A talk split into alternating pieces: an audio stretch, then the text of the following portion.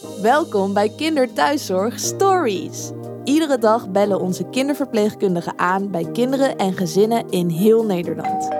Wat gebeurt er achter deze deuren? Nou, we maken zoveel mee. Soms rollen we van de bank van het lachen of schrikken we ons kapot of we pinken traan weg als we weer naar huis rijden. Geen dag is hetzelfde.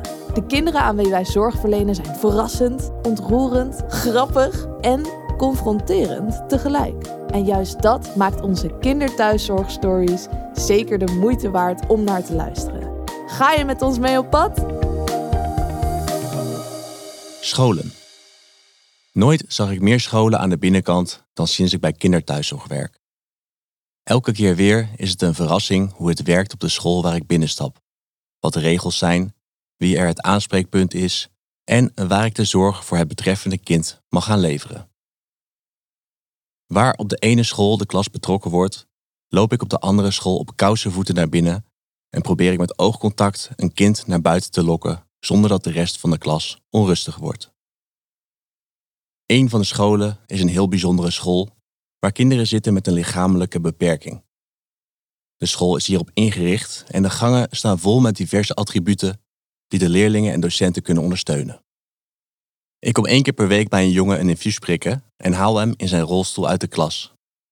In een apart kamertje waar regelmatig iemand koffie of thee komt halen, prik ik hem en sluit ik hem aan op zijn infuus. Er ontstaat onrust in de klas als ik hem terugbreng, want een meisje wil nou wel eens weten wat ik elke week kom doen bij Danny. Danny trekt een chagrijnig gezicht, want hij houdt er met zijn 15 jaar niet zo van om in de belangstelling te staan. Ik vraag hem wat hij wil. Zelf antwoord geven? Of wil hij dat ik iets vertel over zijn behandeling? Hij kiest het laatste en voorzichtig probeer ik hem er toch bij te betrekken. Als blijkt dat hij zelf toch het meest weet van de behandeling en de klas aan zijn lippen hangt, zie ik de teruggetrokken, stille jongen zich ontpoppen in een ware verteller.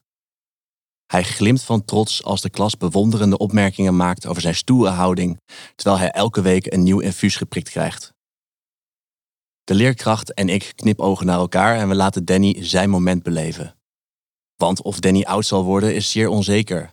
En wij gunnen Danny, die pas van school veranderd is en praktisch geen vrienden heeft, contact met zijn leeftijdsgenoten. Als ik een week later de gang van de school doorwandel, komen wat stoere jongens op me af. Mogen we meekijken bij het prikken? Ik stel voor om het even met zowel Danny als de leerkracht te overleggen. Ze gaan akkoord en als ik Danny prik, zie ik hoe hij quasi nonchalant het prikken ondergaat. Maar zijn ogen glimmen als er ademloos kreten als wauw en vet klinken.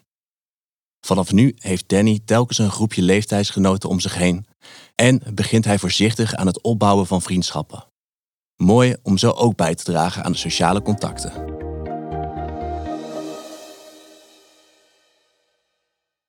Leuk dat je hebt geluisterd. Benieuwd naar de organisatie achter deze verhalen? Luister dan naar Kinderthuiszorg, de podcast. Te vinden in je favoriete podcast-app.